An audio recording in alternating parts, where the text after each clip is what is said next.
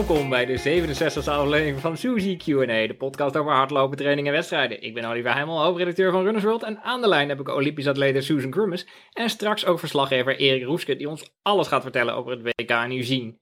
Eugene, sorry. Of zeg jij Oregon? Zeg jij Oregon of Eugene? Uh, nee, wel Eugene. Ze hebben het toch ook ex... Oh ja, nee, ze hebben het toernooi wel Express Oregon genoemd. Daar heb ik nog iets over gelezen trouwens. Dat moest, omdat ze dan bepaalde funding zouden krijgen van de staat. En daarom gingen ze het Oregon noemen in plaats van Eugene. Maar ik zeg Eugene, want het was gewoon in Eugene, toch? Het was niet in Portland. Dan praat ik gewoon met je mee. ik, ik merk er helemaal niks van trouwens, maar jij bent behoorlijk ver van me vandaan, toch? Ja, je ziet het wel, een mooie uitzicht hè, mooie witte muur. uh, ja, ik zit hier op mijn favoriete plek, in de bergen in St. Moritz. Ja, dus uh, ja, dat is een beetje onverwacht na de laatste keer dat ik jou gesproken heb. Want volgens mij ging, ging toen mijn training wel iets beter. Maar ik had toen niet verwacht dat ik nu hier zou zitten. Um, ja, ik had deze stage had ik eigenlijk al geboekt. Omdat ik natuurlijk het hele jaar het idee had van, nou ja, ik ga natuurlijk naar München. Logisch. Dus dan wil ik daarvoor in St. Trainen. En uh, ja, dus het stond nog eigenlijk gewoon op de kalender. Ik had het nog niet gecanceld. Het kon wel nog. Maar toen uh, ging opeens een paar weken geleden de trainingen beter. En toen dacht ik, ja, ik ben nu in Nederland. En uh, zal ik nog even gaan pushen om te kijken of ik nog een limiet kan lopen. Want die limiet van München die staat op zich niet super scherp. Hè? Dat is een, een EK-limiet, is wat anders dan een WK-limiet. Dus ik dacht, nou... Wat is de EK-limiet op de 5 kilometer? ja, ik moet dat eigenlijk weten. Hè? Ik weet dat het niet... super ik scherp, weet het... maar... Nou, het is, ik, ik weet het niet precies. Het is, het is misschien iets van 15, 25 of zo. Ik denk zoiets. Maar ik Oh. zat inderdaad wel te kijken naar de 5 kilometer en de 10 kilometer. 10 kilometer is boven de 32 minuten. Dus kijk, in principe moet dat allebei kunnen met een, met een paar weken trainen. Dat is ligt vrij ver van mijn PR af natuurlijk. Dus ehm, ik dacht nog even toen het opeens goed ging. Van ja, zal ik het weer eens doen? Want het, ja, eigenlijk was dat ieder jaar een beetje een race tegen de klok. Maar dan was de race tegen de klok om op toernooi te staan. Niet om een limiet te Ja. lopen. En toen dacht ik, ja, dit is echt heel onverstandig. Want ik moet dan natuurlijk in Spikes een wedstrijd lopen. En dan een aantal weken daarna natuurlijk ook het toernooi in Spikes. En toen dacht ik van ja, als er dan iets gebeurt met mijn Achilles zoals vorig jaar. Ik weet niet of ik dat kan handelen. En ik weet ook niet of dat dan de moeite waard is. Want dan sta je daar in München en misschien niet in topvorm. En ik denk van ja, eh, gaat me dat voldoening geven? En toen dacht ik, weet je, ik ben gewoon een keertje verstandig. Maar ik ga wel gewoon lekker trainen. En al mijn trainingsmatties die waren hier gewoon in St. Moritz aan het voorbereiden. Omdat natuurlijk ook de Commonwealth Games in eh, Birmingham volgende week is. Dus dat zijn allemaal marathonloopsters. En die zeiden, ja kom nou maar gewoon en doe gewoon wat basistraining met ons mee. Is leuk, is goed voor de spirit. En ik merkte ook, en dat is ook wel als je soms van omgeving wisselt. Heb je misschien ook als je op vakantie gaat of zo. ehm, dat je dan, ja, dat je je soms gewoon vanzelf al beter voelt in de trainingen. Dus het was, eh, kijk, dat hele COVID-probleem en eh, long-COVID, verzuring, zo, dat was al langzaam aan het weg hebben.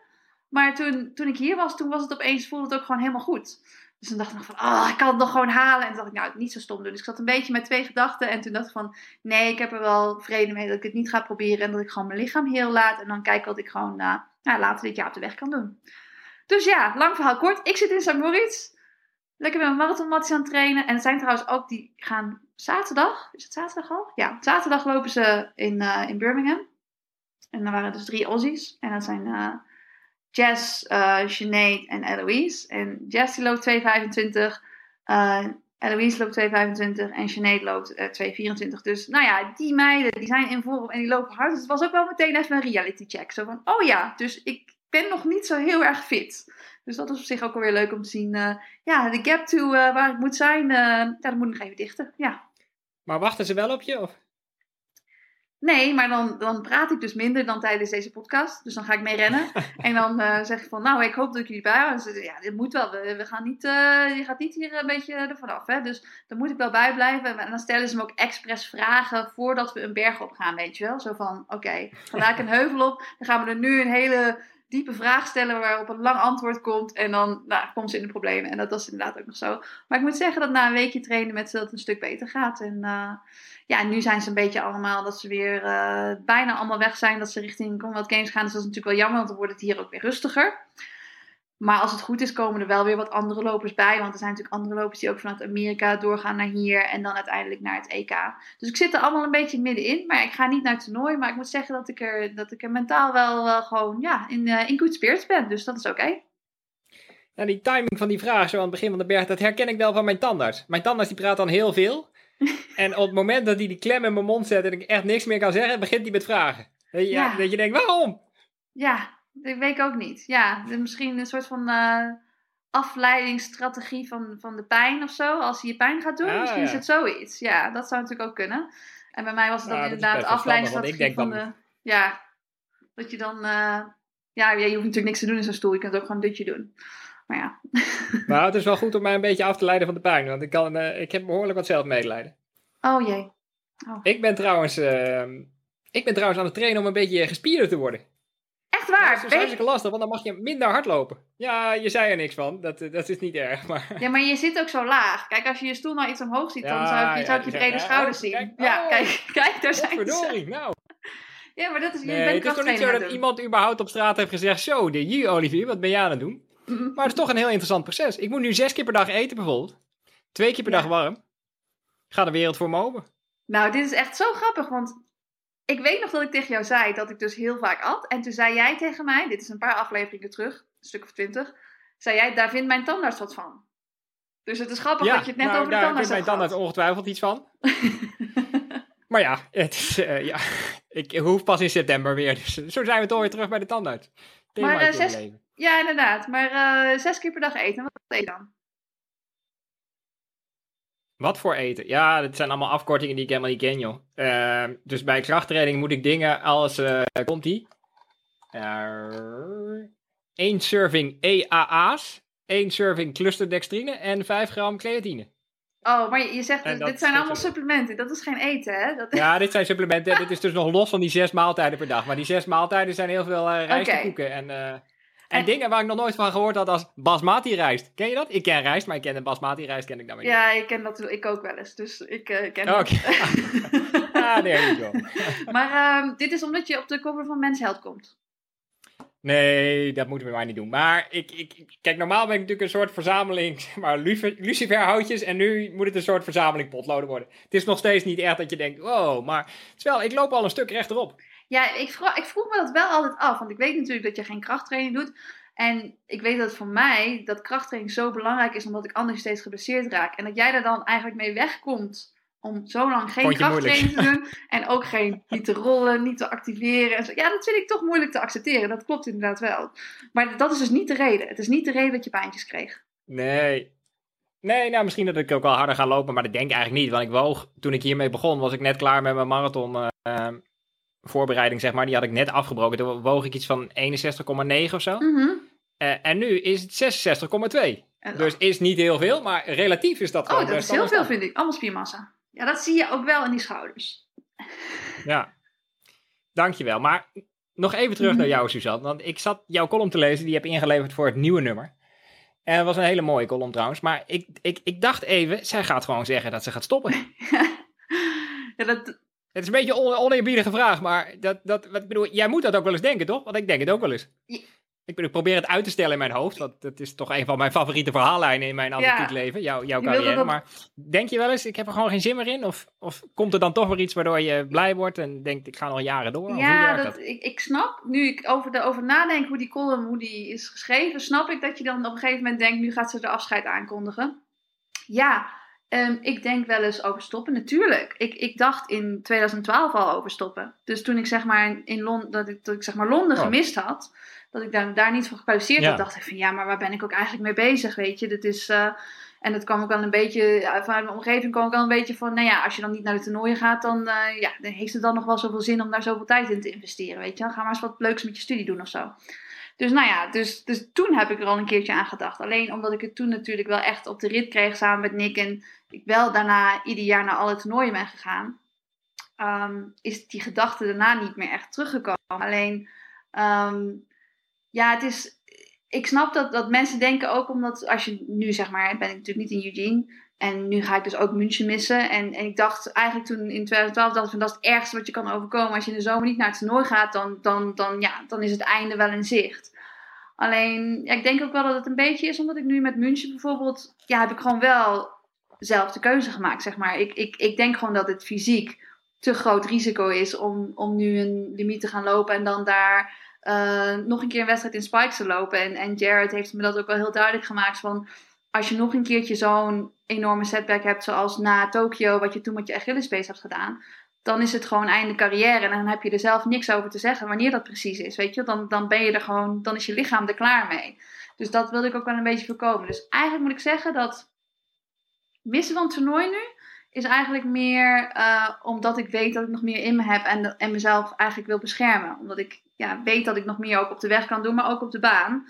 Alleen ja, niet met zo'n korte voorbereiding. Dus um, ik heb natuurlijk wel eens, ik denk wel eens aan stoppen. Natuurlijk ook eerder dit jaar met, met COVID en dat het allemaal zo lang duurde. Maar iedere keer als ik weer, als ik dan, als het dan toch weer wat beter gaat en, en dat ik nu ook weer aan het trainen ben met die meiden. Ik geniet gewoon wel van het proces. En zolang dat zo is, ja, dan heb ik zoiets van, dan ga ik gewoon zo lang door als ik, er, als ik er plezier in heb. Maar natuurlijk zijn er moeilijke momenten. En, en, en uh, een, een paar weken geleden dacht ik wel van, als ik hier nu niet uitkom, dan geef ik het maar zoveel maanden voordat ik tegen mezelf zeg van, nu is het genoeg geweest. Dus nou ja, op een gegeven moment moet er wel weer iets komen waardoor je dus zeg maar weer die, die brandstof krijgt om ook weer, weer wat jaren door te gaan. Maar ja, nu, het, nu de vooruitgang erin zit en nu ik me weer beter voel met trainingen, moet ik zeggen dat ik, uh, dat ik wel weer heel positief gestemd ben.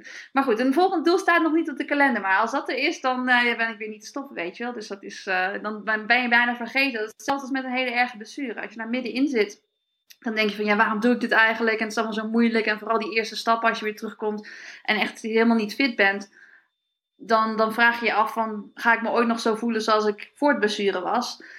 En als, je, als er dan weer iets goed gaat, dan, dan vergeet je dat een soort van. Dan gaat het gewoon weer helemaal weg in je hoofd. En je wordt je harddrive weer helemaal gewist. En dan is het allemaal weer goed. Tenminste, dat heb ik zo.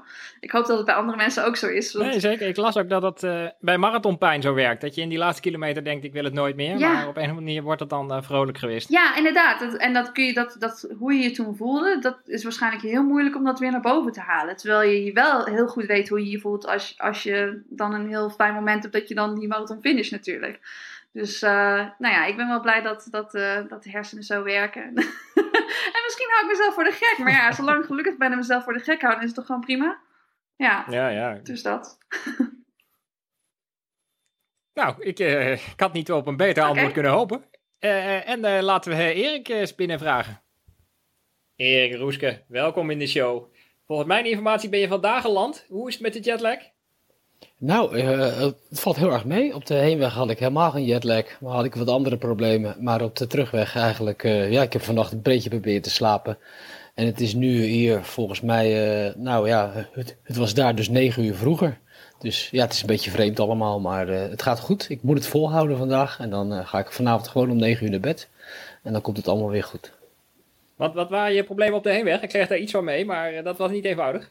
Nee, ik wilde inchecken na, na ongeveer drie kwartier wachten voor de balie. En toen zei die mevrouw, uw, uh, uw ESTA is niet goed, dus u mag Amerika niet in. Oh. En toen, nou ja, toen raakte ik wel enigszins in paniek. En toen ben ik, heb ik een spoedsaanvraag gedaan, die binnen 60 minuten zou worden vervuld. Maar het werd 2,5 uur, dus ik miste mijn vlucht. Oh nee. En ik had al met zo'n mevrouw van de KLM uh, gesproken. En die vertelde van, uh, nou ja, we kijken straks wel even. Maar ze had ook verteld dat het 1200 euro was als ik een vlucht naar Portland, naar Portland zou nemen. Nou, dat heb ik uh, gedaan, maar ze heeft me die 1200 euro heeft ze kwijtgescholden, dus vond ik heel erg lief. Oh, phew. Ja, ik was er bijna op weg naar huis. Oh. ja, ja, ja. ja nou, ik krijg er nog warm van. ik zie je daar. Ja. Wat een drama. Ja. Maar je, je was daar. Was het een mooi toernooi? Ik vond het geweldig. Het was mijn tiende WK wat ik meemaakte van dichtbij. En uh, ja, het is echt uh, heel bijzonder zo'n WK. En het is uh, gisteravond, of eergisteravond ook, zat ik bij de atleten samen met Erik van Leeuwen, onze fotograaf. En dan is het zo leuk als je al die verschillende landen voorbij ziet lopen. En want we zaten eigenlijk ook in het atletendorp als pers zijnde, heel bijzonder. Maar we zaten naast de baan en dat was uh, ja, leuk. En dat is, ja, je ziet zo verschillende niveaus en zo hoog niveau ook. Dat is een WK. Want het had op tv iets studenticoos bijna. Is dat zo? Oh, dat weet ik niet. Ja, dat heb ik natuurlijk niet gezien. Hè. Wij konden niks zien daar, maar... Ja, nou ja, we zaten eigenlijk... Nou ja, ook omdat ze steeds zeiden, het is een universiteitsstad en het is allemaal wat gemoedelijker. En, uh... Nou ja, stad, ik vind eigenlijk helemaal geen stad. Ik vind het gewoon een dorp, een gehucht. Maar ja. aan de andere kant, uh, ja, wij zaten in een, uh, in een dorm van de studenten. En dat was echt uh, ja, de, de allerlaagste klasje die je kan voorstellen. Maar dat was, kon je aan de prijs niet merken, want die Nee. was 150, euro, 150 dollar per nacht voor een, eh, nou ja, voor een krot eigenlijk. Dus. Maar goed, het was eh, heel dicht bij de baan, dat was fijn. Hmm. Ja, de stad is natuurlijk zo klein dat er er waren niet genoeg hotels. Hè? Dat, eh, dat kreeg ik in ieder geval mee. Dat, dat, ja, er zijn nog niet genoeg hotels voor zo'n groot toernooi met zoveel atleten en zoveel pers. Want ze hebben Nee, natuurlijk wel vaker nationals en eh, NCA's en zo gehad. Alleen, ja, dan komt er natuurlijk ook niet zoveel pers bij. Dus eh, ik kan me voorstellen Nee. dat het lastig Nee, was. Maar je hebt in ieder geval niet in een tent hoeven te slapen. Hè? Dat valt weer mee. Nou, dat had ik eigenlijk heel graag gewild. want, want er was het Ja, misschien zo warm. nee. Ja, nou ja, nou ja, s'nachts was het eigenlijk eh, hartstikke koel. Eh, als we 's ochtends wakker wo- werden, eh, dan, eh, dan werd ik mijn appartement uitgebrand.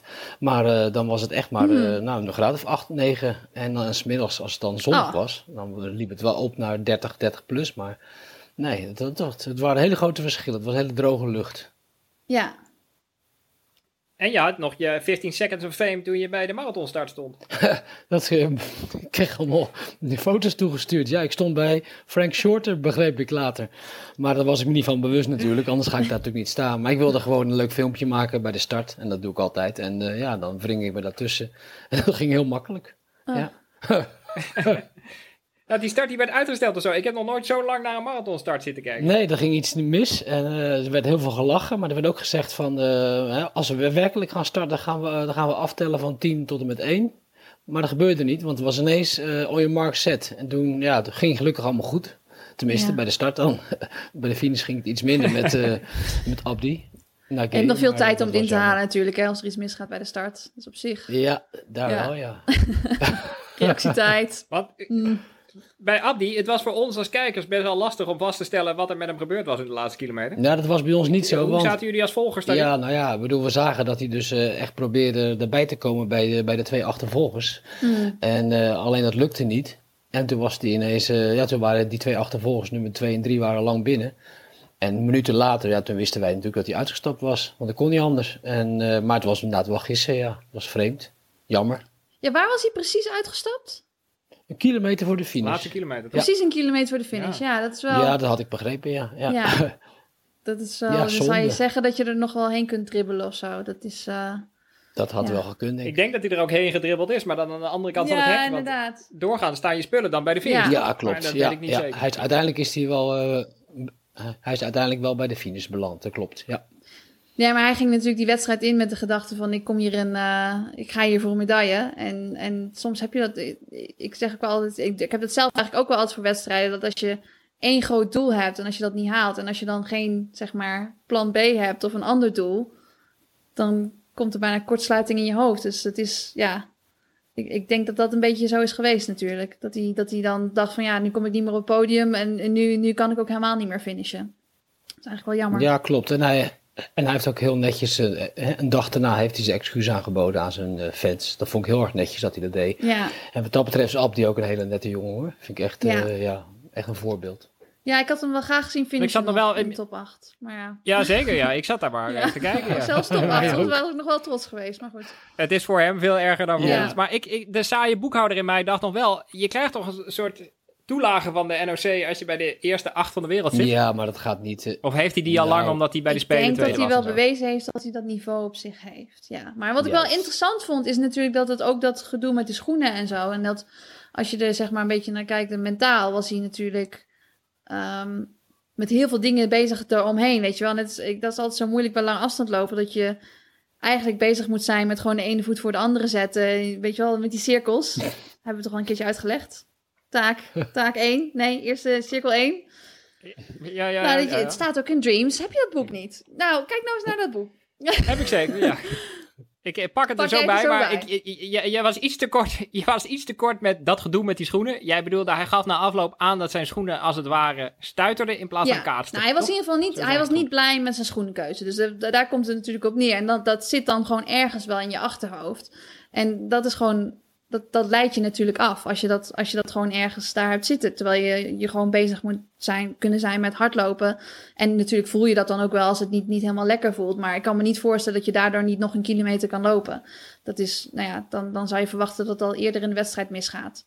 Dus die afleiding en Ja, maar ik las daar ook veel onbegrip over. Dat mensen dachten, waarom loop je niet eerder al op die schoenen? Volgens, Maar we moeten er wel bij vertellen dat met die moderne schoenen het helemaal niet zo aantrekkelijk is om daar al 100 kilometer op te lopen. Omdat ze eigenlijk maar 150 kilometer Ja. meegaan, toch? Heeft hij er helemaal... Volgens mij heeft hij er wel op getraind, toch? Heeft hij er niet op getraind?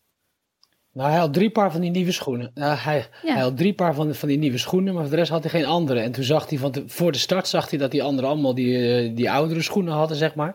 Ja. En toen had hij eigenlijk zijn wedstrijd al verloren. Dat eh, heb ik een beetje het idee, de- dat het psychologisch toch wel heel erg doorwerkt, de hele wedstrijd. Nee, dat bedoel ik dus. Dus dat is eigenlijk Ja. dat het dan... eh, ja, ik weet niet. Dat, dat, dat gebeurt op het allerhoogste niveau. Maar dat gebeurt bij heel veel mensen volgens mij wel. Dat als ze dan ergens in een wedstrijd... en dan natuurlijk vooral in een marathon... als er dan iets misgaat... en weet ik wat met jelletjes, drankposten... valpartijen, schoenen, wat dan ook...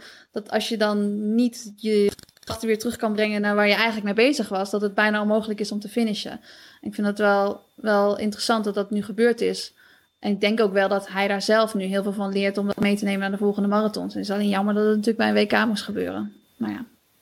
Zeker. Eh, alleen hij vertelde de vorige keer dat hij in een ritme zit van goede marathon, slechte marathon. Mm. Dus het goede nieuws voor hem is dat hij nu een goede marathon tegemoet Ja, gaat. inderdaad. Ik ben benieuwd wat hij kiest.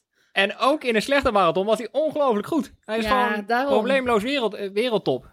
Ja. Dus dat vond ik wel een indrukwekkende gedachte. Nou ja, het niveau, het niveau is er zeker. Dus eh, nu alleen nog Ja, finishen. er werd ook heel hard gelopen bij de mannen en de vrouwen op de marathon. Allemaal kampioenschappen, records. Ja, En, dat, en dat werkt. Ja, Ja. terwijl het eruit zag als een wandeling door het, eh, nou een wandeling als een, een flinke duurloop door het Maar het bos, was- zeg maar. Eh, Op een of andere manier zien stadsmarathons er wat ja sneller heel uit. druk was het niet, hè? Nee. Nee, het was kwart over zes 's ochtends ook, hè? Eh, vergeet, vergeet dat niet. Dat was echt heel erg vroeg. Nee. En wij hadden dus eh, met de jetlag op de heenweg. Dat is voor was het ons. allemaal vrij vroeg begonnen. Eh, een van de eerste Mhm. dagen, dus eh, wij konden daar wel tegen. Maar ja, ik kan me voorstellen dat je geen zin hebt om om, eh, kwart over zes langs, eh, langs de kant te staan, s ochtends vroeg. Nee, ik snap Ja. het. Ik moet zeggen dat die eh, Amerikaanse vrouwen, dat dat ook wel, ik vond dat wel een van de mooie momenten ook van het toernooi. Omdat natuurlijk, ja, die drie, werden ze nou, was het zesde, zevende, achtste? In ieder geval, ja. dus ja, de- ja. Ja, Allemaal top 10 in ieder geval, ja. Ja, en, en, en ook wel allemaal met een hele andere aanloop. Want die, eh die Kira Damada bijvoorbeeld, die, die kreeg pas echt twee weken geleden te horen... omdat een andere loopster dus niet kon starten omdat ze geblesseerd was... dat ze mee mocht doen. Dus die had helemaal geen marathontraining gedaan. Het was echt een één groot experiment. Gewoon vanuit 15 kilometer training. En ze zal ongetwijfeld altijd veel kilometers lopen. Maar eh, gewoon zonder ook maar iets van lange duurlopen te doen. Gewoon even een marathon lopen en dan gewoon in de top 8 finishen. En ja, voor het thuispubliek. Ik vind dat, eh, ja, dat was wel echt Ja. mooi toen zij ook samen zo finishten. En eh, ik denk dat het wel heel leuk was voor de Amerikanen. Zeker, het zag ja. er heel mooi uit, ja. ja. Het was een hele mooie foto ook. Erik, Ja. wat, wat waren sowieso jouw drie hoogtepunten van het toernooi? Kan ik dat zo vragen? Oeh, Of kan je er drie Ja, daar kiezen? had ik wel even twee dagen Ja, dat was niet zo moeilijk hoor. Dat was niet zo moeilijk. slapen Er waren drie wereldrecords. Dus dat waren de mooiste. Ja, En, en als ik dan nog later nog bedacht van, ja, de, wij, wij ons Nederlanders, hadden eigenlijk bij die mixed relay, bij het begin, hadden we eigenlijk het eh, vierde Mhm. wereldrecord moeten lopen. En dat pakte dan niet helemaal positief uit. Ik denk dat we daar zo meteen nog wel even op terugkomen, op die 4x400's. Maar dat was jammer, want ja, eh, eh, wij hadden, of wij, hè, Oranje had het potentieel om dat wereldrecord te lopen en ook goud te halen. Nou, dat is net niet gelukt. Mhm. En dat was jammer. Maar wat dat betreft, een, eh, Maar waar, waar ging dat mis dan? Want ik dacht alleen maar dat het zo knap was dat we alsnog zilver hadden gepakt. eh, ja, alleen, eh, nou ja, weet je, het is lastig. Bij die mixed relay mag je maar één iemand vervangen. Bij de 4x4 mannen, 4x4 vrouwen mag je gewoon alles vervangen. Maar bij die mixed relay Mhm. niet. Ah. Dat betekent, als, we, als ze Ja. Femke Bol niet lieten lopen in de series, dan betekent dat zij dus als ze ingezet worden, dat de rest gewoon allemaal nog een keer moest lopen. En achteraf, eh, qua potentie, denk ik dat je ook iemand anders had kunnen inzetten bij, bij, eh, bij de mannen bijvoorbeeld. Hè. Ik bedoel, Lee Marvin liep nu twee keer, series en finale. En die jongen komt uit een blessureperiode terug. Dus die is op één dag twee keer een eh, 400 meter eh, onder de 45 seconden, wat hem wel lukt in de series. Ja, dat is, dat is te veel Mhm. gevraagd, blijkt. Dus, maar ja, het Ja. was een dilemma. Ik bedoel, eh, hè, eh, je had geen keus. En, en, en zonder Femke hadden ze natuurlijk nooit eh, zo, zo ver gekomen. Nee, die liep 48,95 daar. Eh, ja, die liep. Nou ja, eh 44-93 liep Lee Marvin in de series. En dan liep hij uiteindelijk in de, in de finale liep hij een stuk langzamer. Maar eh, wat Femke liet zien, en trouwens Lieke ook, vergis je niet. Die hebben ongelofelijke Mhm. tijden, splittijden dan ge- hè, hè, onder de 50 seconden gelopen. Ja, ja, ja, en dus onder de 49 bij Femke Ja, zag ik daar. klopt. Ja. En- het, En in die laatste estafette, daar liep ze ehm, 49, 38 volgens mij, terwijl ze ook een enorme Ja, buitenbocht liep. precies. Het is echt ongelooflijk. En, eh, en toen was ze natuurlijk zevende. En ze werd uiteindelijk derde. Dus moest al die mensen nog inhalen in die laatste bocht. En het laatste stuk, ja, echt, eh, wat een fenomeen is dat aan het worden. Ja. Ja. Ja, Erik, ik zeg altijd tegen mensen, je hebt geen idee hoe hard het is, maar jij hebt dan specifiek, weet wel hoe hard het is, want je hebt nog harder Ja, gelopen, ik heb toch? 46,99 gelopen. 46,99 Oh. gelopen. Ja. Die 100ste. Dit is, eh, je- ja, nice. Ja, dat is wel lekker. Ja, om dat dus te geen dag dat ik er niet aan denk. Dat is zeker. ja, klopt. Dit is ja. wel, eh, Ja. je weet wel dat ehm Sydney McLaughlin, Ja. wat was haar split in de 4x4? Eh, van die laatste, eh 47, eh 94 of zoiets. Ja, ik heb het, eh, ik heb het Dat opgezocht. bedoel ik. Ja, ongekend. Ik las het ergens van, er zijn nu heel veel, heel veel mannenharten gebroken, omdat Ja. ze zo hard liep. Ja, nou ja, weet je. Ja, Ja, dat- Nou goed, maar je, je vroeg net naar de drie hoogtepunten. Dat is vliegend, nou, dat zijn Ja. de in- internationale Ja. hoogtepunten zijn voor mij inderdaad die wereldrecord van eh 6 meter 21 van Du- Duplantis. Die 12-12 Mhm. van eh, Toby Amusan, waar dat vandaan komt. Ongelooflijk. En natuurlijk, Ja, maar er was ook wat gedoe over Ja, de tijdwaarneming daar, toch? Ik, ik las dat Michael Johnson zei, eh, die tijden werden Ja. allemaal gecorrigeerd ja, en dat dacht dat ging iedereen. wel heel dat hard. dacht, ja, die klok is kapot.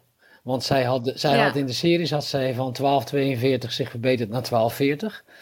En toen liep ze ineens 12-12. Ik denk, dit kan gewoon niet. Maar het was dus echt zo, ja. En ja, eh, ik heb de finale dan nog even teruggezien. Want daar liep ze 12-06 zelfs, met te veel rugwind. Dat telde dus niet. Maar Ja. dat tweede stuk van haar, dat is ongekend. Hoe zij over die horde raast. Nou, dit is echt, ja, nog nooit vertoond.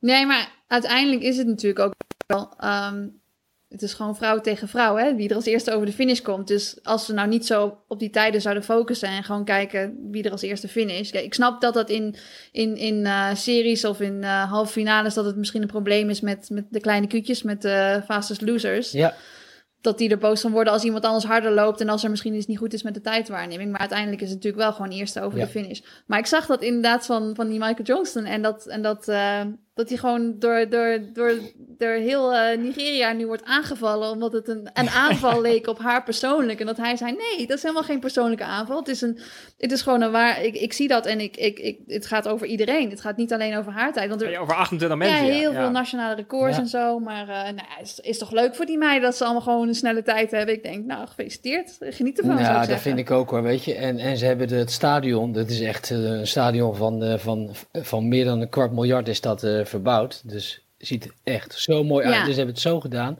dat die wind, die komt op een Ja. bepaalde manier binnen.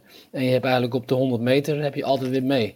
En, en ook als, ja, en het is een Ah. bepaalde cirkeling. En nou ja, dat hebben ze uitgelegd. Eh, dat zie je ook van boven. hè. Die, die beelden heb je waarschijnlijk wel gezien hoe dat eruit ziet. Dat hebben ze heel erg, eh, heel, Ja. ja, heel erg slim eh, aangepakt. En ja, nou ja, alleen nog geen, eh, geen turbines, die staan er nog niet. Maar dat, eh, ja. Ja, ja. Grappig dat je het zegt, want in, in Doha dacht ik dat dus met die airconditioning. Want die airconditioning kon ik daar ook wel echt voelen. En toen dacht ik ook van, als ze die nou eventjes een beetje goed de goede kant op hadden gewezen. Maar die kwam gewoon van Ja. opzij. klopt. En als je op de perstribune zat, dan ben je helemaal weggeblazen soms op een bepaalde plek. Ja, inderdaad. Maar dat eh, was niet echt wind mee. Maar wat je nu zegt, ik weet dat er in, eh, in eh, Spanje is, in Huelva. Daar is ook een baan, als de wind dan op een bepaalde manier staat, dan wordt die aan de ene kant wordt die geblokt en aan de andere kant niet. Dus je hebt of alleen maar 200 meter wind tegen en dan geen wind, dan heb je pech. Of andersom, dan heb je dus 200 meter wind mee en, en dan geen wind. Dus het eh, bestaat ook op andere plekken. Maar ik vroeg me wel af, van Eugene, denk je dat de baan ook heel snel is? Is dat een andere baan? Nou, er ligt geen Mondo. Dat is wel heel bijzonder. Je ziet overal die Mondo-reclames. Eh, dat is die, eh, die snelle vloer, zeg maar. Die ken je wel, waar je al heel veel pijn van in je voeten Ja. ook van krijgt. Die, die ligt daar niet. Er ligt Ja. daar gewoon een korrelbaan. En, en ja, dat verbaasde Echt? mij ook, ja. Ja, maar ja, het is... Ja, hij is niet heel erg hard. Want ik heb natuurlijk ook even opgelopen op de dag dat dat mocht nog. De dag voor de wedstrijden. Nee, ik heb niet het idee dat hij super hard is. Maar het is dus wel snel. Maar denk... Nee, ja. Is dat niet, eh, is het niet een beetje hetzelfde als, als zeg maar met de schoenentechnologie, hoe dat, hoe dat ook een beetje veranderd is? Dat het eerst allemaal gewoon zo licht mogelijk, zo min mogelijk en zo hard mogelijk moest zijn, omdat je dan dacht dat je harder kon lopen. Dat het nu juist wat meer met, met, met ZoomX foam en dat het ook allemaal wat, wat meer indruk. Misschien is dat met die baan ook wel, dat je dan juist wat meer, eh, weet ik niet, wat meer eh, return krijgt van iedere pas. Ja, dat zou kunnen. Ik bedoel, eh, toen in Berlijn 2009, waar, eh, waar, waar ik natuurlijk ook geweest ben. En waar Usain Bolt zijn wereldrecords, die nog steeds staan, op de 100 en 200 Mm. liepen. Was het ook een korrelbaan. Ja, Met, met stukjes Ja. en niet mondo. Dus ja, het zegt niet alles blijkbaar. nee. Vraag, ik vroeg me trouwens even af, we zijn er een beetje aan voorbij gaan, maar je zei, dit is je tiende WK, toch? Ja, ja. En wat, wat is de eerste waar je bent geweest dan? 2003 in Parijs ben ik geweest. Eh, daar ging ik eigenlijk als, eh, als fan heen. Heb ik allemaal kaartjes gekocht. Uiteindelijk, ging Ja. Christi- uiteindelijk ging Christian Tamminga in naar huis. En toen heb ik zijn, eh, zijn pas gekregen. We leken niet op elkaar, Oh, maar nice. toen kon ik wel overal naar binnen, ja. En, 2000, en 2015 En wat was heb ik gemist. Want toen, toen had ik een... Oh, 2009, Berlijn. Vanwege die wereldrecords op de 100 en 200 meter. ja. Ja.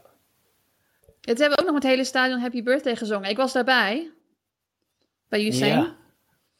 Ja, Was je dat daarbij? was geweldig. Was, Ja, mijn voormalige collega eh, Yvonne van Lange, die vertelt altijd, of die vertelt altijd, die vertelt eigenlijk niet altijd, maar het is mijn favoriete anekdote, dus ze moeten hem altijd van mij vertellen. Eh, Dat zij op de baan stond als tienkamper, toen hij, eh, ze waren min of meer, konden ze de baan niet af, toen hij daar voor hun neus dat wereldrecord liep. Ja, op de Ja. 100 of de 200? Volgens mij op de 100. Ja, want ik stond bij de 200, stond ik echt bij de finish, ongeveer vijf meter ervan af, want dan wilde ik gewoon staan. Ik wilde dat gewoon zien.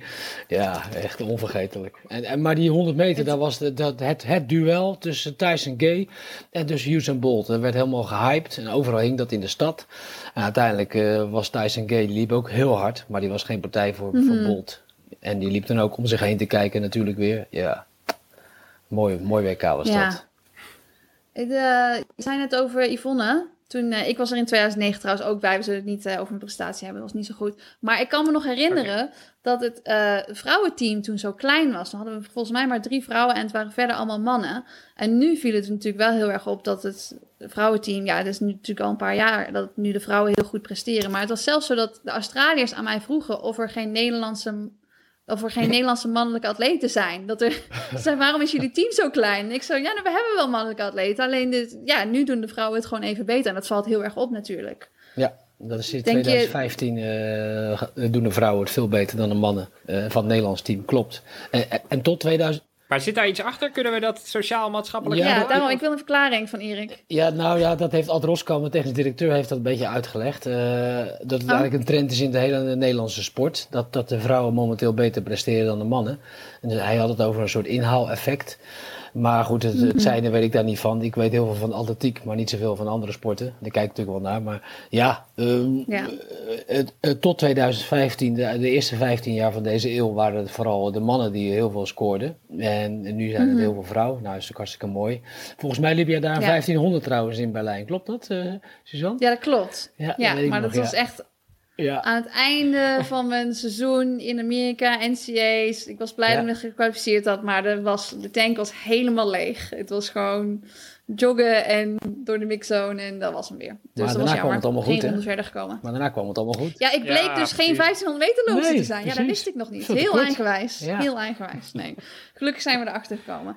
Maar goed, We moeten nog even terug naar de wereldrecords, want eigenlijk heeft Femke Bol toch best wel pech dat zij precies een generatiegenoot is van een van de beste atleten aller Ja, tijden. dat klopt. Ja, die, eh, eh, eh, die Sydney McLaughlin die loopt echt ongelooflijk hard. En ja, ik bedoel, eigenlijk wisten we wel dat, dat er een wereldrecord aankwam. En de hoopte je natuurlijk Mhm. dat Femke nog heel lang mee kon. Ah ja, dat gebeurde nu eigenlijk niet, want ze liep eh, niet onder de 52, wat, wat Femke van tevoren had aangekondigd dat ze zou kunnen en zou gaan doen. En dat was heel jammer, maar tegelijkertijd, eh, ja, die Sydney, dat is echt een fenomeen wat je zegt. En dat is, eh, dat houdt een keer op, want ik hoor- hoorde ook dat ze misschien wel 400 gaat doen. Nou, dat zou dan de redding zijn voor Femke. Maar ik denk ook van, als Femke de 400 gaat doen, nou, ik zie die nog wel onder de Ja. 50 lopen. En dan doe je mee voor de medailles. Alleen dat is dan weer sneu voor Lieke, Ja. die natuurlijk ook gigantische sprongen maakt. Want dat, dat, bedoel je vroeg ook eh, eigenlijk naar die drie hoogtepunten. Nou, die wereldrecords, maar de drie Nederlandse hoogtepunten is natuurlijk Femke Bol.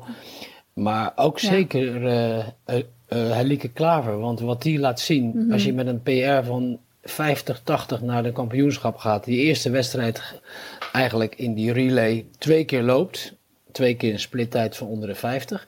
En dan gewoon in de wedstrijd zelf, haar eigen wedstrijd, een, een mega Nederlands record loopt. eh 50-24. Even daarna 50-18. En dan nog een keer 50, 33 in die finale. Ja, echt heel veel respect. Maar wat mij zo aanspreekt in haar reactie is van ja, nu weet ik waarom we zo hard moeten trainen. Want ze, ze Ja. hebben daar twee jaar geleden, of al- anderhalf jaar geleden, hebben ze een keer een foto geplaatst. Waar zij ze aan het trainen op de heuvels bij Papendal. En dan liggen ze allemaal op de grond. Ja, Dit je is herinnert echt me, een, echt een epische foto. En weet je, voor mij ook heel herkenbaar als 4 meter lopen natuurlijk. Zo van, ja, Ja. dit kom je niet aanwaaien. Nee, je moet er echt keihard, keihard, keihard voor trainen. Nou, dat is... dat- Nee, ja, niet af en toe, maar heel vaak dat gevoel. ja, geweldig. En dat, dat vind ik echt, nou ja, ik bedoel, na, na Femke en dat vind ik Lieke ook heel goed. Die heeft, even kijken, als ze dus die finale ook nog gelopen had van die 4x4 op de laatste dag. Dan heeft ze dus drie keer de vier gelopen, twee keer de estafette. En dan zou ze dus in totaal zou ze zeven keer gelopen hebben. Ze heeft er nog zes gelopen. En ze stond, Ja. ze ook nog eh, reserve op de 4 keer 100. Ja, weet je, dat is... Volgens Ja. mij ken je dat wel van de NCAA. Daar worden zulke mensen eh, die dat allemaal kunnen, die worden daar ook ongelooflijk eh, gebruikt om echt alles te doen. Nou, gelukkig hoefde zij dat Ja. niet. Want ja, Ik denk dat ze er zelf wel een keuze in had, toch? dat mag ik hopen. Nou ja, dat mag ik hopen, ja. Maar goed, weet je, het mooie was, ik heb wel contact met eh, Laurent Mioli, dat is haar, haar trainer, en, en van Bram Mhm. Peters. Mioli was ervan overtuigd dat zij eh, in de halve finale, zat ze weer in baan 8, zag ze helemaal niemand, dat ze gewoon tweede zou Mhm. worden. En ik denk, nou, als je ziet wat tegen wie ze liep, maar ze werd gewoon tweede. Die man heeft echt een voorspellend Ja. vermogen en dat vind ik knap. Die, die weet precies hoe zijn atletengroep eh kan presteren. Ja. Nee, dat is fijn, want dan kunnen ze er natuurlijk ook gewoon op vertrouwen. Dus als hij zegt van ga je even kapot lopen op deze heuvel, dan, dan doe je het ook, omdat je weet van hij weet het gewoon. Dus Ja. dat, is, dat is natuurlijk wel mooi. Ja, Ja, dat is wel leuk, ja. ja. Zeker. Ja. ja. Ja, Ik moet nog even terug naar een ander hoogtepunt trouwens. Mondo Duplantis. Want ik heb het misschien al wel eens gezegd in de podcast, maar ik kan niet naar hem kijken zonder Thierry Baudet te zien.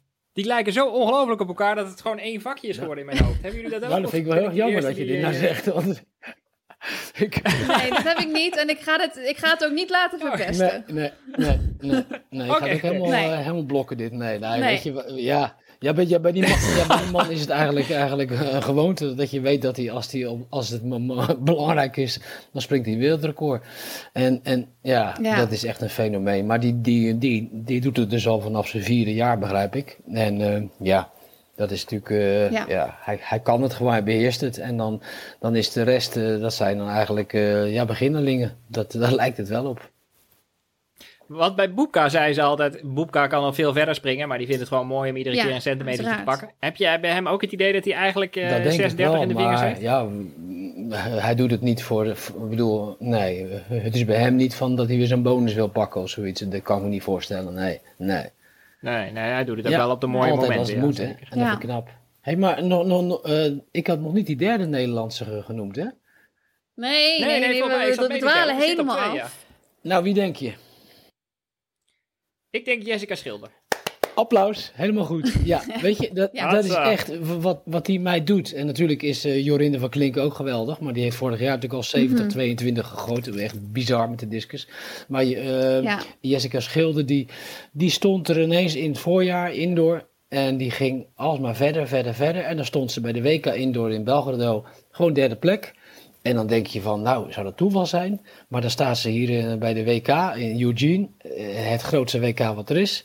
En dan wordt ze gewoon weer derde. Nou ja, weet je, en ook Ja. weer verder, verder, verder. Nou, het is ongelooflijk. En zij, zij twijfelde nog steeds. Ik heb er wel eens een keer eh, geïnterviewd.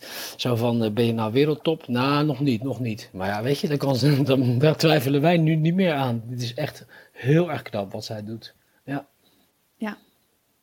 Want hoe kijken die andere vrouwen daarna? Want zij is ook een stuk kle- kleiner eigenlijk. Ja, ze, Al- ja, minder- minder ja, ze zwaar. zei dat ze na afloop zei ze ook, nu moet ik heel veel chocola gaan eten, want ik ben nog veel te licht. En nog eh, die andere, die zei van, Oh, wat vervelend dit, hè? ja, dat zijn van die kolossen. En echt, nou, voor die Amerikaanse twee ook, dat is echt niet normaal. En dan komt zij, ja, ze is een klein meisje, ja. Ze moet nog, ze is nog hartstikke Ja. jong, ze is 22 of zoiets. En eh, ja, die moet nog daar ook nog in groeien, letterlijk. En eh, nou ja, lijkt mij niet fijn, maar eh, ja, dat heb je wel nodig blijkbaar om echt heel erg eh, goed ver te kunnen kogelstoten. Suzanne, had jij nog een hoogtepunt wat we nog niet hebben benoemd? Eh, nou, ik vond eh, de 1500 van de mannen en de vrouwen, vond ik allebei hele vette races. Gewoon dat ze tactisch gewoon heel interessant waren. Bij de vrouwen was die eerste ronde was natuurlijk super snel.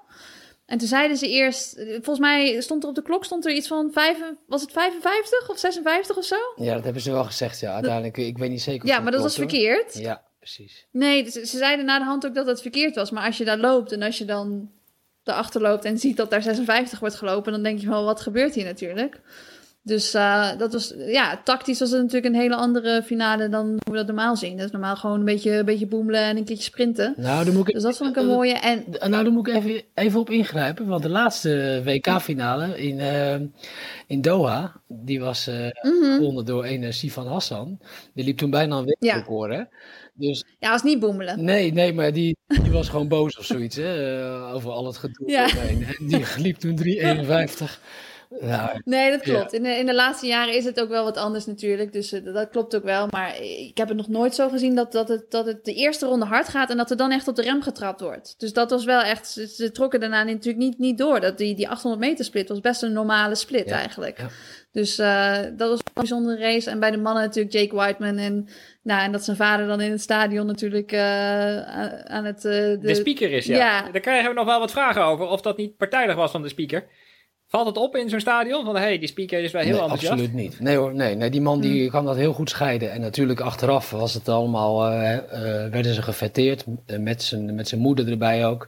En nee hoor, Ja. nee, die, die man heeft ook zo'n geweldige stem. Dat is echt een, een genot om naar te luisteren. En ja, zo professioneel. Nee hoor, helemaal niet. nee, dat doet hij echt niet. nee. Nee, hij zei ook van als ik dat doe, dan, dan mag ik daarna nooit meer een eh, 1500 meter doen, weet je. Dus dat is. En volgens mij zei hij ook zoiets van, eh, van, dat, van oh, Jake Whiteman, world champion. eh, oh ja, en dat is mijn zoon. maar echt zo. echt super Ja, ik kon droog. het niet zo goed horen. Ja, Dat was En dat is mijn zoon. Oké, ja, dat was het wel, weet je. Dus eh ja, was wel, ik vond het wel mooi. Ik ken Jake ook en die komt hier zeg maar in St. Moritz ook heel veel. En ik zie hem veel op trainingstages, ook in Flagstaff en zo. En is gewoon, eh, ja, ik weet niet, echt gewoon een hele sociale, hele leuke jongen die altijd wel interesse toont en zo. Dus dan, dat maakt het dan nog wel leuker dat je zo iemand ziet winnen, zeg maar. Dus dat is eh, ja, heel erg verdiend. En, en natuurlijk, eh, ja, altijd wel leuk om een upset te zien van de favorieten. Ja, zeker ja. Want, eh Ja. want met de Ingebrigtsen werd ze verslagen, ja, precies. Maar goed, die maakt dit weer goed op Ja. de 5000. Nee, inderdaad. En oh ja, ik moest met de hoogtepunten. Eh, ook één nog. Ja, ik heb nog twee andere. Het zijn geen hoogtepunten, maar het zijn wel leuke dingen van het WK, vind ik. Ik vond het leuk dat eh Alison Felix die eh, deed de, de mixed relay, volgens mij was het mixed relay, hè? En dat was de laatste race van haar carrière. Ze heeft natuurlijk super lange carrière. Volgens mij is ze echt al in. eh, was het misschien. Was het misschien wel in Parijs al dat ze de eerste medaille won? Ja, of misschien in eh, 2003. twee jaar daarna. 2003 dacht ik ook. Ja, dus echt al, eh, nou ja, bijna, bijna 20 jaar dat ze echt op het hoogste niveau meedoet. En dan nou, met pensioen gaat, naar huis vliegt, naar de race, de mixed relay. En eh, dat ze dan thuis was. En toen ging ze naar een of ander eh, Hot Wings café of zo. Ging ze lekker eh, chicken wings en een biertje. Was ze lekker een beetje aan het lunchen of zo. En toen werd ze gebeld of ze niet terug kon vliegen om eventjes bij de 4x4 te helpen bij de Amerikaanse vrouwen om ze de finale in te helpen. En toen zei ze ook echt in het interview, zei ze, ja, I dropped my hot wing and I jumped straight on the plane. Ja, ik dacht, nou, ja, ga je toch wel even je wings opeten? Hallo, dat is- als het toch voor je staat. ja. Wat doe je? Dus, eh, maar het was wel grappig, omdat ze, ja, toen heeft ze natuurlijk het team geholpen. En ze zei van, ja, het was een hele eer, ook al was ik al eigenlijk met pensioen. En dat vind ik dan toch mooi. Dat is ook echt weer lekker, dat, lekker American, weet je wel, van ja, voor je country. En eh, dat vind ik dan toch prachtig. En toen zat ze vandaag, had ze inderdaad weer gepost dat ze weer terug was in het café om de hot wings te eten. En ze zei, ja, ik heb mijn telefoon maar uitgezet. Dus ik vond het wel een mooi verhaal. Nou, de Amerikanen waren wel heel erg goed hoor. Die hadden 13 gouden medailles. En de, de nummer 2 in die Ja. rij, dat was eh, ik geloof Ethiopië met 4 en dan Jamaica met 2. Dus het was echt, ja, eh, nou ja, we werden helemaal weggelopen eigenlijk allemaal door die Amerikanen. Ja. Ja, dat was natuurlijk ook wel Nou thuis voor. ja, nou ja, er waren ook wel dingen die wel heel erg leuk waren. Ook dat de Jamaicaanse 4 keer 100 meter mannen, dat die wonnen van de Amerikaanse mannen. Terwijl die Ja. eigenlijk gewoon met twee vingers in hun neus hadden moeten winnen. En bij de vrouwen was het precies andersom. Ja, Daar zou Jamaica eh, heel makkelijk moeten gaan winnen. Met, eh, met al die drie, eh nieuwe, Mhm. die drie snelle vrouwen. Maar toen wonnen de Amerikaanse eh, vrouwen van de Jamaicanen. En dat was ja, ook onverwacht. Maar dan zie je maar weer, eh, wisseltechniek is zo belangrijk. En dat, eh, dat trainen ze blijkbaar toch heel weinig. De vier keer 100 meter ploegen gingen iets minder lekker dan de afgelopen jaren. Eh, daar misten we natuurlijk ook Daphne Schippers en Jurandi Martina. Maar zie jij dat goed komen de komende jaren, Erik? Nou, daar heb ik het uitgebreid met eh, jullie over gehad ook. Want, eh, want ik ben ook bezig met een boek aan het schrijven. Samen met vier andere oud-journalisten. Ik ben dan niet, niet de oud-journalist, maar uh, de atletiekkanon van Nederland. En daar heb ik over de estafette geschreven. Mhm. En, dat, en, en Muley vertelde van, we zitten met een, uh, met een generatieovergang, zeg maar, een transitie. Uh, de oudere generatie die gaat langzaam afvloeien. Nou, dat noem je dus uh, Churendi, onder andere mee. Maar bij de vrouwen is dat eigenlijk met Daphne en met Jamil. Die, die lopen natuurlijk nog hartstikke hard. Alleen ja, de, in de komende jaren gaat dat wel veranderen. Mm -hmm. En bij de mannen ziet hij het probleem nog niet zo heel erg groot. Want hij zegt van, daar zitten wel wat opvolgers aan te komen. En bij de vrouwen is het echt, het niveau is een stuk lager. En dat is natuurlijk ook logisch als je Daphne Schippers uh, vergelijkt met, het, uh, ja, met iemand anders. Dat was natuurlijk uh, een buitengewone klasse. En met Turandi gold er bij de mannen ook. Ja. Dus ik zie dat, bij de, ja, ik zie dat niet zo heel gauw goed komen, nee. Nee, dat is wel een probleem. Ja, jammer. Bij de 400, hè? Ja, je hebt er ook gelijk vier nodig, hè? Ik bedoel, als je twee goede hebt, dan ben je nog nergens. Ja, je moet er eigenlijk zes of acht hebben. Ja, meer dan vier, inderdaad. Vier zeker ja. ook zo. Daar moet je ook e echt... Ja, dan moet je echt vervangers Hmm. kunnen, uh, die moet je hebben, die heb je echt nodig. Want Ja. ik bedoel, je kan niet altijd uh, iedereen inzetten in series en finale. En dat is natuurlijk, uh, nou ja, daar ging het dit jaar ten nauwe nood bij de mannen in ieder geval op één honderdste mis. Want daar hadden ze ervoor gekozen om Lee Marvin, Bonavacia en Tony van Diepen niet in te zetten in de series. Maar alleen die finale, alleen ja, ze halen die finale op één honderdste niet. Hmm. En ik snap die keuze wel hoor, want er wordt heel veel kritiek op geleverd. Dat zie ik natuurlijk overal verschijnen. Maar ja, je kan niet. Nee, je moet keuzes maken, ja. Ja. En je kan niet iemand steeds maar weer inzetten voor de series en finale. En die jongens hadden al zoveel gelopen, hè? Al, allebei vier keer. Ja, dat is, dat is geen Ja. op is hoor. Ja. Dus. En bij de vrouwen ging het mis met het overgeven van het stokje. Ja, nou ja, we hebben de foto's van Erik van Leeuwen hebben we nog goed zitten bestuderen van waar ging het nou mis. Want er was een uh, ze werden gedisqualificeerd, toen hebben we de foto's zitten bekijken en dat, hebben, heeft de ploegleiding natuurlijk ook gedaan. Films bekeken dan, de video's, vonden zichzelf ook. Het probleem was, zag ik, eh, als je een 4x4, eh, eh, als, als je een loper bent die een stokje aangereikt krijgt, dan moet je altijd blijven kijken naar dat stokje. Mm. Nou, op die foto's ke- keek, eh, eh, keek zij naar voren in plaats van naar achteren waar het stokje was. Mhm. En dan, ja, dan kan het wel eens misgaan. Dus dat is heel jammer. Ja. En, eh, en weet je, de Femke en, en Lieke die gaven ook absoluut, eh, die, die, die, trekten zelf, die trokken ook zelf het boetekleed aan. Maar ja, gewoon fout. Ja, maar daar zie je ook wel eens echt met zo'n wissel. Ik, je ziet ook wel eens dat inderdaad lopers. Dat ze dan een stokje aanpakken, wel naar achteren kijken. En dat ze inderdaad gewoon bijna vol tegen iemand aansprinten. Omdat je inderdaad, het stokje is natuurlijk het belangrijkste. Maar dan gebeurt er voor je ook nog van alles. Dus altijd, altijd wel weer hou ik mijn adem in bij ze. Ja, het is ook dat wel lijkt me, lijkt me ook wel lastig. Maar ik had begrepen Maar dat ze moet- uiteindelijk ja. gedisqualificeerd was. Omdat ze dan eigenlijk een paar stappen terug had moeten nemen of zo. 20 centimeter terug. Ja, het is heel knullig, want eh, dat is, er, zijn, er zijn zoveel regels. We hebben ze allemaal op zitten zoeken daar, in de Mhm. mixzone ook nog. En eh, dus als het stokje valt Ja, en als het dan naar voren stuit, 20 centimeter ging het om, ja. dan moet je eigenlijk de- degene dan wie het aangeeft of degene die het, eh, die het krijgt, die moet een stap terug doen, die 20 centimeter en dan weer gaan lopen. Terwijl je dan natuurlijk al heel veel tijd kwijt Ja. bent door het oprapen van het stokje. Het was heel kinderachtig, wat moet je nagaan? Dat, dat, dat, dat, dat, ze werden dus eigenlijk derde en ze waren Mhm. met een dikke Q waren ze naar de finale.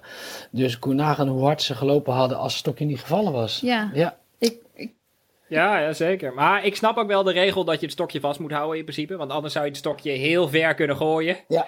En dan raapt iemand het 100 meter verderop. En Ja. dat scheelt dan. nou dan ben je wel een hele goede speerwerper hoor, als je dat Ja. Ja. Ah, 100, ja. Een heel licht stokje hier. Ja, ja. Dus ik snap het wel. Maar het stokje valt natuurlijk over het algemeen. Is, is de energie voorwaarts. Dus Ja. zal een stokje ook vooruit vallen. Ja. Dus het is best wel lastig. Nou ja, goed, weet je. Ja.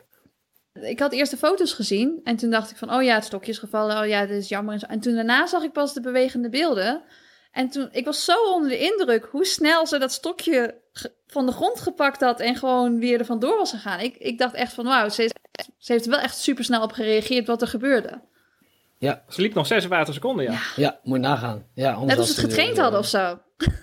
Anders had ze er 2 of 53 gelopen, ja. Ja, ja, Ja. weet je, dat is gewoon heel erg treurig en daar kan je nou niks meer aan doen. Maar ja, zonde. En, en eh, ik bedoel, wij hebben het altijd geleerd en ik weet ook dat, dat Muley daar ook op traint. Mhm. Blijf altijd een stokje in de gaten houden. Eh, Ik zal het eventjes op het beeld laten Ja. zien Die werkt. gestrekte arm. Precies. Ja. Maar Ja. dat, zie, ja, dat zie je ook, eh, nou ja, die, die beelden. Hè. Je ziet ze staan en, en blijf kijken, blijf kijken naar dat stokje tot je hem Ja. hebt. En dan, ja, nou ja, dan moet je Maar ik inderdaad... vond wel dat het team, jij zei het net al, het team ging daar heel liefdevol mee om. Ja. Je kan natuurlijk enorme ruzie maken enzovoort, maar al die meiden die, die stonden gewoon voor elkaar. Ja. Ja. mooi hè? Ja, Ja. echt geweldig. Ja, dat zagen we in de mixzone ook. En nou, die, eh, eh, dat ene meisje die stond dan, eh, hè, die Katelijne, eh, Peters, die stond dan echt wel te huilen. Dat was wel heel erg sneu. Mhm. Maar precies wat je zegt, dat was eh, heel mooi om te zien. Echt een teamgevoel. ja, we Ja. doen het samen. Ja, zij gaat fantastisch terugkomen, dat weet ik zeker. Er was ook nog een moment eh, waarop de cameraman in de wedstrijd eh, kwam te staan Oh. bij de stiepel. Ja. Heb je dat meegekregen, Erik? Was jij een van die mensen die in het stadion waarschijnlijk gebaarden van weg? Nee, we zaten in de mixzone, maar we zagen het op tv in beeld. eh, En zo, Oh.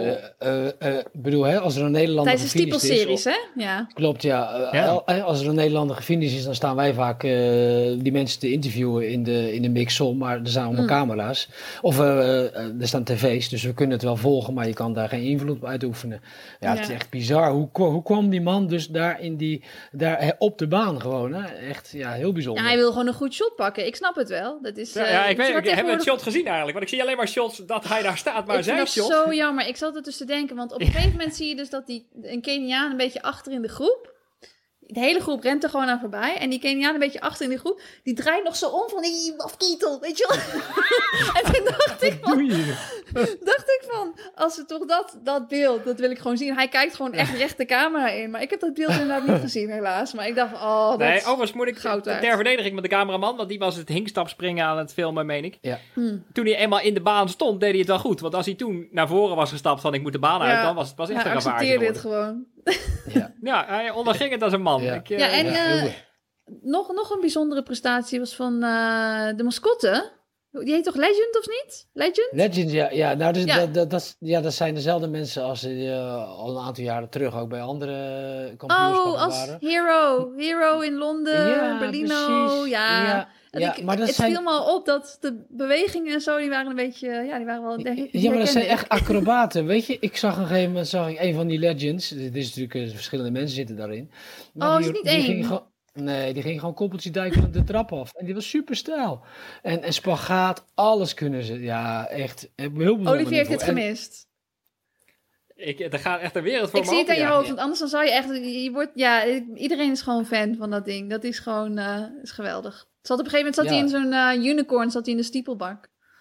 Ja, ze hij deed echt van alle leuke dingen. En dat was echt wel heel erg leuk, ja. Serieus. Dat, eh, bedoel, eh, toen van Berlino was eigenlijk het beginnen. Dat hij met Bolt meeliep en zo. Allebei Ja. die, die, die bekende Bolt-pose gingen doen. Maar eh, ja, deze deed ook heel erg leuk, ja. Maar ik vind het wel een scoop. Het is dus altijd de- hetzelfde team. Nou, wist ik een ook aantal niet. jaar wel. Oh ja, begrijp ik. Ja. Ja. En, dat zijn dus echte topsporters hoor. Want dat zijn acrobaten die, die doen spagaten eh, tussendoor in zo'n pak. En ze kunnen alles. Ze staan op de handen. Op een gegeven moment ging. Het zal ook heel leuk geweest vond, zijn. Ik heb daar een filmpje. Vreselijk. Ik heb een, ik heb een filmpje gemaakt van de, de 400 meter horde man. Die won. Dos Santos uit Brazilië. Die liep een mega tijd. Die ging op een gegeven moment ging die staan, eh, eh, ging die beneden bij de hoogspring aanloop. Gingen ze staan dansen samen met Legend. En echt dansen. En die kon heel goed dansen. Dus een Ja, 400 ik zag het. hordenloper. En niet Karsten Warholm dus, maar eh, dus die eh, Braziliaan. Die ging daar eventjes eh, een dansje weggeven. Nou, Ja, dat, eh, dat eh, was bijzonder. Heb je het gezien? Ja, dat was mooi. ja, ik heb hè? het gezien, maar ja, Brazilianen die kunnen over het algemeen denk ik beter dansen dan Noren. Dat heb ik al wel, dat idee, weet je wel. Maar het was inderdaad, eh, waren goede moves. Maar ik dacht ook van ja, als je Ja. zo'n hordenloper bent, dan moet je ook wel goed zijn natuurlijk. Omdat je, de horde is natuurlijk ook heel erg ritme lopen en denk ik van. Dus misschien kan Femke ook wel heel goed dansen, maar we weten het alleen gewoon nog niet. Nee, nee, dat lijkt... We gaan het Ja, nou vragen. ja, en, en, en laat die Sydney McLaughlin dat dan ook eens doen, want die, die lacht niet. Hè? Heb je dat er was gezien? Dat is echt Ja, nee, ik vroeg me af wat je daarvan vond. Want het was wel qua, qua vieren van, de, van het wereldrecord. En ook zeg maar dat ze dan natuurlijk de VQ4 dan aan het einde van het toernooi winnen in eigen land. En ik weet dat ze heel erg gelovig is. Dus ze zal ongetwijfeld, ja, ik weet niet, aan het bidden zijn of zo. Maar daarna kwam er ook niet, het leek niet echt blijdschap. Maar dat is misschien haar, gewoon haar, haar manier van vieren. Maar ik vond het een beetje, een beetje tam. Ja, nou, ik heb heel veel foto's te bekijken en uiteindelijk dan, eh, dan lacht ze wel heel lief naar, eh, naar Femke. En, maar het is echt, nee, het is heel moeilijk om haar Nee. aan het lachen te krijgen. Ja. En dan denk ik van, goh, het is toch prachtig als je zo goed presteert en als je zo'n mooie sport doet. Mm. Dan mag je er toch wel om, eh, om blij mee zijn met zulke wereldtijden. Begrijp ik ook Weet je niet. wie er aan het lachen heeft gekregen trouwens? Legend. Want die zei, die kwam met een bord langs. World Ja. records are my favorite food. Ja, precies, ja, ja, ja. Dus dat, is klopt, wel, die dat was een, was een mooi moment. Dus het is, het, is wel, het is wel gelukt uiteindelijk. Maar eh, Nou, ik zie de vertedering in jullie ogen als jullie het over Ja, hebben. Het is, het is echt ja, hartverwarmend. inderdaad. Jullie, Van- eh, dat je dat, dat, is- dat- daarvoor kijk je toch, hè? Kijk gewoon voor de mascotte. en En voor hebben mooi jullie dus alles gekeken s'nachts? Ik heb 's ochtends, eh, iedere ochtend als ik, eh, als ik eh, wakker werd hier, ging ik ontbijten. En dan tijdens het ontbijt ging ik dan, dan scrollde ik wel een beetje door de highlights. Dan ging ik het Oh, niet, ja. want ik ga natuurlijk niet drie uur lang atletiek kijken voordat ik ga trainen. Maar ik moest wel ervoor zorgen dat ik alle highlights had bekeken. Want dan ging ik daarna, ging ik dan met mijn trainingsmaatjes, dit heeft Erik gemist, maar al mijn Aussie trainingsmaatjes die waren hier. Eh, gingen we samen trainen en dan gingen we het een beetje over hebben van, oh, heb je dit gezien, heb je dat gezien? En dan wisten Oh, zij ja. vaak wat meer over het Australische team en dan vertelde ik een beetje over het Nederlandse team. Dus dat was wel leuk. Dus dan kon je meteen even je ei kwijt over wat je allemaal bekeken had. Ja, leuk. Ja, Erik, ik kan nou wel beweren dat ik iedere nacht op was, maar jij appte me natuurlijk iedere avond met je stukje voor Runners World. En je, je merkte dat ik dat dan niet meteen live kon zetten, maar ik heb wel eh, de finale van Femke en van Lieke, daar ben ik eh, voor Ja, wakker dat was één uur. Dat was Ja, ook lekker in één uur, dus kon je gewoon om vier uur Ja, wakker nee, dat heb ik allemaal wel gecheckt, ja. Heb ik twee V'tjes zag op je telefoon inderdaad, ja. Ja, dat viel me wel tegen, man. Ja. maar ik snap het wel, hoor. Ik keek Ja. trouwens niet naar de uitslagen voordat ik de wedstrijden keek. Ik had wel dan die discipline om dan gewoon niet, niet op social te gaan en gewoon alleen maar meteen de stream aan te zetten. Dus, oh, eh, dat is wel heel goed. Jeetje, ja, dus spannend dan al, is hè? ja, dat is wel leuk. Ja, dat, bij mij werd het verpest, want het zat dus al in mijn mailbox Ja, van Erik. jammer. Dat is echt Ja, spoiler alert. Ja, Ja. nou, dat is Ehm, mooi. Ga je er bij het EK ook bij zijn, Nee, Erik? nee, nee. Ik, eh, ik ga lekker met mijn eh, drie kinderen, drie zoons, ga ik lekker een eh, vakantie vieren. En ik ga natuurlijk wel wat kijken, maar eh, nee, weet je, voor mij is het ook... Ik vind het hartstikke leuk voor de, voor de, voor de Nederlanders dat ze daar dus eh, ja, een soort eh, revanche kunnen nemen, sommigen. Maar anderen ook Mhm. weer eh, voor het eerst heen kunnen. Het is natuurlijk ook wat minder, eh, minder moeilijk om daar deel te nemen. Maar ja, ik vind het wel heel jammer dat het eigenlijk eh, twee weken of drie weken na een WK al, of, of een maand eh, na een WK alweer is. En dat is natuurlijk vanwege corona is dit gebeurd. En eh, ik vind het eigenlijk niet kunnen. Ik vind ook dat je een EK niet tijdens een Olympisch jaar moet houden. Dat doen ze nou sinds 2012. Nou, 2016 was dan een Mhm. uitzondering omdat het ervoor was, hè, voor de Rio in Amsterdam. Maar ik vind dat gewoon jammer. En nou ja, volgend jaar is er weer een WK. Dan is het in Budapest. En dan 2024 is het Parijs. Maar er is ook, ik dacht, de EK in Rome. Dat vind ik jammer. Ja, dat is toch gewoon te Dat is veel. daarna. Maar heb je niet zoiets van hoe meer toernooi is beter? Nou, voor mij niet hoor. Nee, weet je. eh, Ja, voor jou persoonlijk misschien niet, maar voor, voor de atletiek Hij is kapot. bedoel ik. Nou, denk ik niet. Nou, heel veel mensen die hebben nu van, van Lieke en van Femke gehoord enzovoorts. En dan normaal blijft het dan weer een jaar stil. Maar mijn hoop is Dat dat, ze het nu over vier weken weer zien. En dat we dan echt, dat ze dan met meer interesse gaan kijken.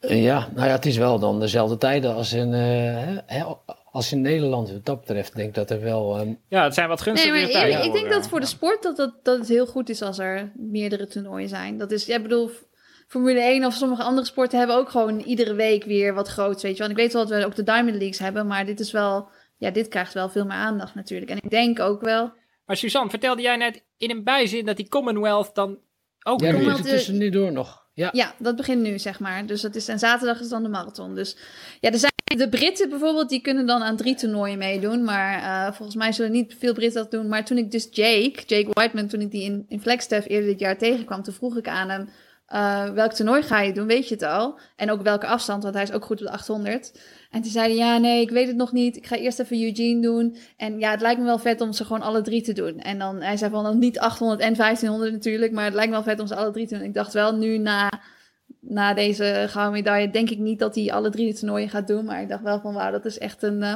een vrij druk programma. Dat is gewoon, eh, Nou, volgens mij wilde Drie die toernooien allemaal in twee doen. Ja, wil dus toch? 15 maar niet, ja, allemaal, acht- 1500. niet allemaal 1500 volgens mij, of Nee, wel? nee, nee, klopt. Hij zou de 800 Ja. dan gaan doen in, eh, bij de Commonwealth Games, ja. ja. En dan Ja. dacht ik ook de 8 eh, bij in München.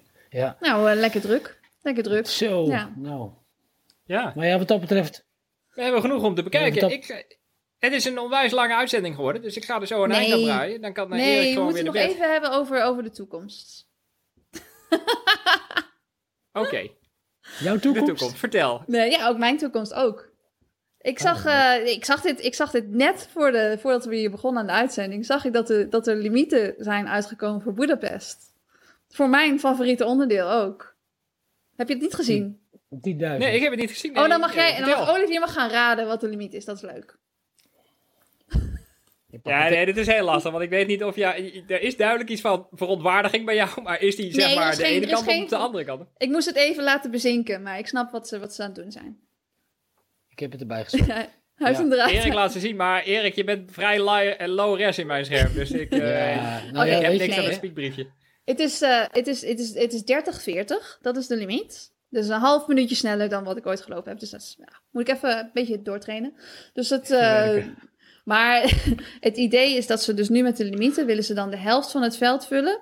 En dan eh, vervolgens de andere helft zullen ze dan eigenlijk aanvullen met de rankings. En daarom zijn ze wat sneller. Maar bijvoorbeeld ook op de marathon eh, zijn de mannen die gaan nu naar 2.09 en de vrouwen naar 2.28.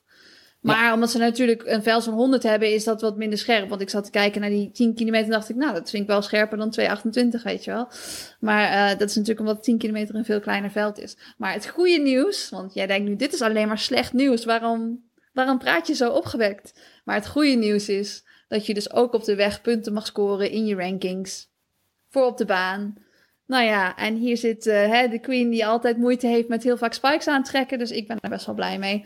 Ook al moet ik een beetje doortrainen, maar dat is... eh, ja, nee, ik vind het wel, ik vind het wel een, een, een goede ontwikkeling, moet ik zeggen. Dus eh, Ik vond wel, ik, ik zag dat marathonpeloton op de marathon, want ik heb ook de hele marathon gekeken. mhm. Dat was wel echt een heel bescheiden clubje. Ik dacht, daar mag wel iets meer bij. waren dat de 100? Dat Was vraag dat- ik me af. Nee hoor, Nee, zeker niet. Bij, Nee. bij de vrouwen waren er volgens mij nog geen 40. Heb ik bij, hoe bij komt dat? Bij de mannen... Eh, ja, nou ja, ik denk dat het al. Ja, ik heb niet zo heel veel verstand van marathon. Ik heb wel heel veel gezien, maar ik denk dat het ook te maken heeft met, met, met concurrentie. Ik bedoel, eh, Berlijn, eh, dat dient zich al bijna Ja. weer aan. En, en Londen dit jaar is volgens mij ook in september. Ja, dat zijn natuurlijk wedstrijden waar je, waar je ook een heel hoop geld kan verdienen. En, Ja. en, en, en zelfs ook nog eh, in München is ook nog een marathon.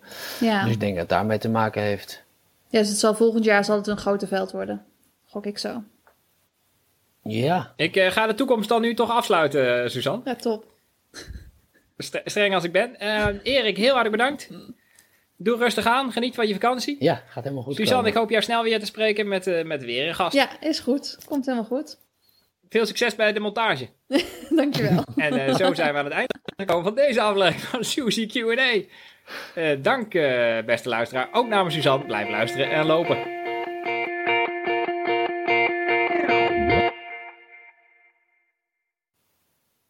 Het niet over Noah Laus gehad. Wie? Noah Laus.